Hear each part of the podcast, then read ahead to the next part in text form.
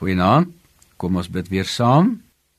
Here baie dankie dat ons nou kan bid dat U vir ons sal help om barmhartigheid te verstaan vanaand. Ons bid dit in U naam. Amen. Ek lees vir julle vanaf Matteus 6 vers 1. Pas op dat julle nie julle liefdadigheid vir die mense bewys om deur hulle gesien te word nie. Anders het julle geen loon by julle Vader wat in die hemele is nie. Wanneer jy dan liefdadigheid bewys, moenie 'n trompet voor jou blaas soos die gefeinsdes in die sinagoges en op die strate doen dat hulle deur die mense geëer kan word nie. Voorwaar ek sê vir julle, hulle het hul loon weg.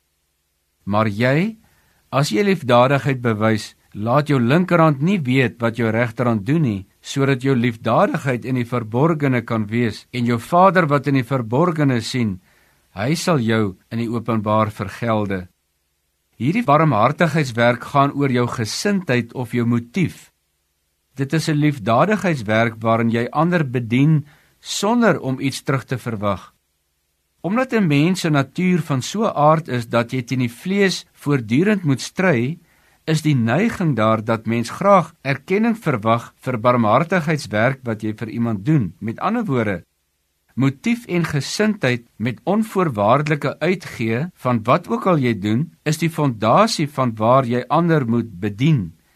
Wat ook 'n faktor kan wees natuurlik wanneer jy goed teenoor ander doen, is dat die ontvanger nie noodwendig waardering wys nie en dit plaas 'n demper eintlik op jou gemoed.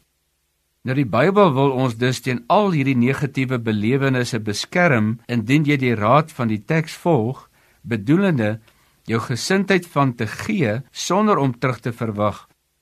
Om te gee sonder om die gewer duidelik te oortuig om daarom raak te sien wat jy vir so iemand doen. Hier is nou 'n paar belangrike fasette in die teks naamlik dat die Here nie van jou verwag om voortdurend liefdadigheid te bewys nie want vers 2 sê wanneer jy dit doen met ander woorde as die Here 'n geleentheid vir jou gee om liefdadigheid te bewys dat dit nie volgens die voorskrifte van jouself sal gaan nie, maar volgens die teks wat hy wil hê ons moet doen. Die ander een is daar is loon vir liefdadigheid by God. Die loon is nie noodwendig vir nou bedoel nie, maar tog in die lewe wat hierna kom.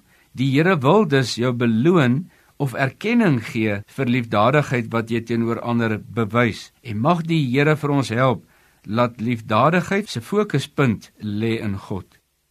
Here help vir ons dat ons liefdadigheid so sal wees dat U geëer sal word en ons die mindere sal wees. Amen.